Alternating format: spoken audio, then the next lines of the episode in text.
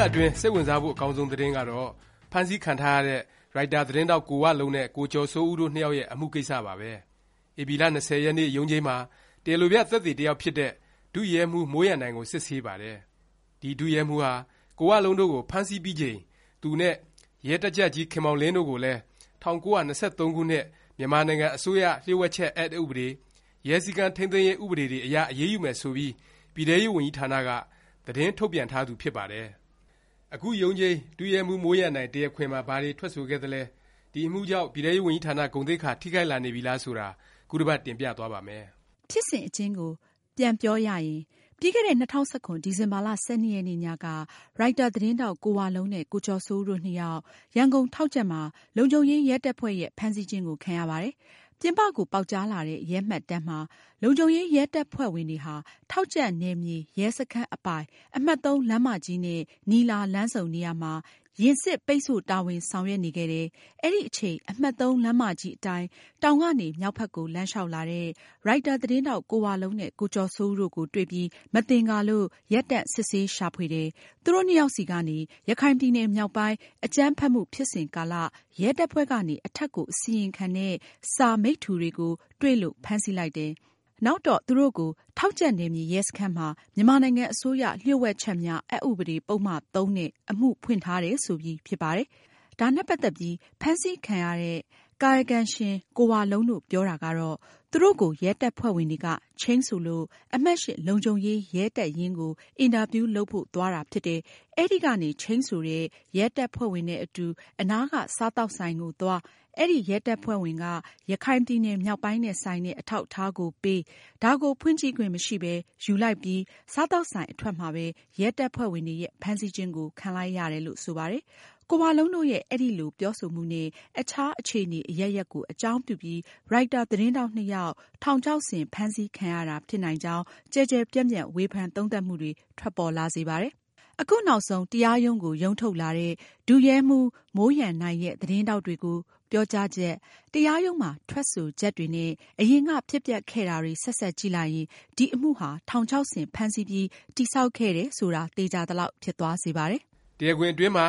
ဒုရဲမှူး မိုးရန်နိုင် ထွက်ဆိုသွားတာတွေကို ရိုက်တာ သတင်းထောက်တွေရဲ့ ရှေ့နေတွေဖြစ်တဲ့ ဦးခင်မောင်ဇော်နဲ့ ဦးသန်းဇော်အောင်တို့က သတင်းထောက်တွေကို ပြန်ပြီး ရှင်းပြတာက ကိုဝလုံးတို့နှစ်ယောက်ဟာ သူတို့ အဖမ်းမခံရခင် အချိန်က အဲဒီ အမှတ်၈ လုံခြုံရေး ရဲတပ်ရင်းက ရဲမှူး မိုးရန်နိုင် အပါအဝင် ၆ ယောက်နဲ့ တွေ့ဆုံခဲ့ကြောင်း အဲဒီ တွေ့ဆုံမှုအပြီး ၆ ယောက်လုံး ယာယီ ထိမ်းသိမ်းခံခဲ့ရကြောင်း နောက်တော့ ၄ ယောက်ကို ပြန်လွှတ်ပေးခဲ့ပြီး ဒုရဲမှူး မိုးရန်နိုင်နဲ့ ရဲတပ်ကြပ်ကြီး ခင်မောင်လင်းတို့နှစ်ယောက်ကို ဆက်ပြီး ချုပ်နှောင်ထားခဲ့ကြောင်း အဲဒီနောက် ရဲမှူးချုပ်တင်ကိုကိုက ရိုက်တာ သတင်းထောက်နှစ်ယောက်ကို ဖမ်းဖို့ ညွှန်ကြားခဲ့တယ်လို့ ဆိုပါတယ် အဲဒီလို ဖမ်းဖို့အတွက်ဝါလုံးတို့နဲ့ တွေ့ဆုံရာမှာ ပါဝင်ခဲ့ပြီး အဖမ်းမခံရတဲ့ ရဲတပ်ဖွဲ့ဝင် နိုင်လင်းကိုဝါလုံးတို့နဲ့ ဆက်သွယ်စေပြီး စာရွက်စာတမ်းတချို့ကိုပေးဝါလုံးတို့ လက်ထဲရောက်အောင် ထည့်ခိုင်းပြီး ဖမ်းဆီးခဲ့တာ ဖြစ်တယ်လို့ ဆိုပါတယ်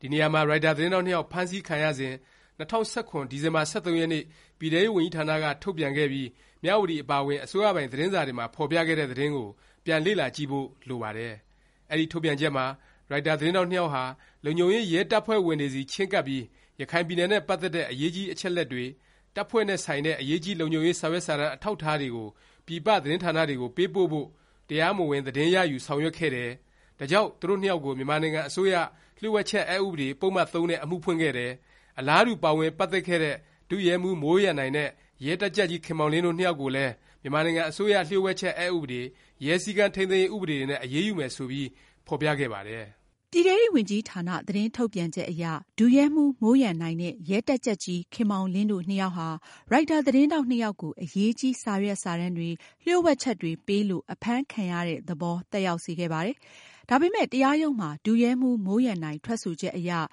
ဝလုံးတို့ကို စာရွက်စာတမ်းတွေပေးခဲ့တာ သူမဟုတ်ဘူး၊တကယ့်လက်တွေ့ စာရွက်စာတမ်းတွေပေးသူတွေဖြစ်တဲ့ ရဲတပ်ဖွဲ့ဝင် နိုင်လင်းတို့လည်း တစ်စုံတစ်ရာ အရေးယူခံရမှု မရှိဘူးဆိုတာ ပေါ်လွင်သွားစေခဲ့ပါတယ်။ဒါကြောင့် ရိုက်တာ သတင်းထောက်နှစ်ယောက်ကို ရဲတပ်ဖွဲ့က ပြည့်တန်ဆာ အမှုဖမ်းသလို အသွင်ယူခေါ်တွေ့ စာရွက်စာတမ်းတွေပေး ပြီးတာနဲ့ ချက်ခြင်းဆိုသလို ဖမ်းဆီး လုပ်ခဲ့တယ်ဆိုတာ ငြင်းလို့မရတဲ့ အချက်အဖြစ် ပေါ်ပေါက်လာပါတယ်။အခုအမှုက မပြီးသေးပါဘူး။ တရားလိုရှေ့နေအဖြစ် ဆောင်ရွက်နေတဲ့ ဥပဒေအကျိုးဆောင်က တရားရုံးမှာ ထွက်ဆိုခဲ့တဲ့ ဒုရဲမှူး မိုးရန်နိုင်ကို မယုံကြည်ရသော သက်သေအဖြစ် ရှေ့ရုံးချိန်းမှာ လျောက်လဲပါလိမ့်မယ်။တရားခံတွေဘက်ကလည်း ပြန်လည် ခုခံချေပမှာဖြစ်ပြီး တရားသူကြီးရဲ့ အဆုံးအဖြတ်ကို ရယူရမှာပါ။တကယ်လို့ လက်ရှိ တရားရုံးက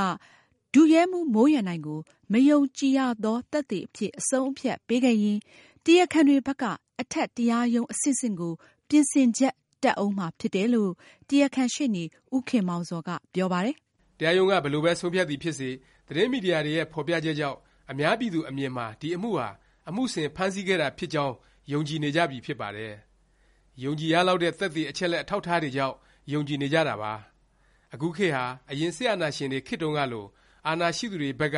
လုပ်ချင်သလို လုပ်လို့ မလွယ်ကူတော့ဘူး ဆိုတာပါ။ပြည်ထဲရေးဝန်ကြီးဌာနဟာ အရင် အမှောင်ခေတ်တုန်းကလို တရားရုံးတွေကို ကိုယ်ဆုံးဖြတ်စေချင်တာကို ဆုံးဖြတ်ခိုင်းလို့ မရတော့သလို၊အစိုးရကလည်း ပြည်သူလူထုက ရွေးကောက်တင်မြှောက်ထားတဲ့ အစိုးရ ဖြစ်နေပြီ ဆိုတာပါ။မီဒီယာ ဆိုတာကလည်း ဘယ်ခေတ်အခါတုန်းကနဲ့မှ မတူအောင် အားကောင်းမောင်းသန် ဖြစ်နေတာကလည်း အခု အမှုတင်ပြပုံတွေကိုကြည့်ရင် သိနိုင်ပါပြီ။ဒီအတွက် အမှုကို စွဲတင်တဲ့ ပြည်ထဲရေးဝန်ကြီးဌာနဘက်က အမှုကြောင့် တစ်နေ့ထက်တစ်နေ့ ဂုဏ်သိက္ခာ ကျဆင်းလာတာကို ဆက်သွားမလား၊အမှုကို ဂုဏ်သိက္ခာရှိရှိ အဆုံးသတ်နိုင်အောင် ကြိုးစားမလား ဆိုတာ ရွေးချယ်ဖို့ လိုနေပြီ ဖြစ်ကြောင်းပါ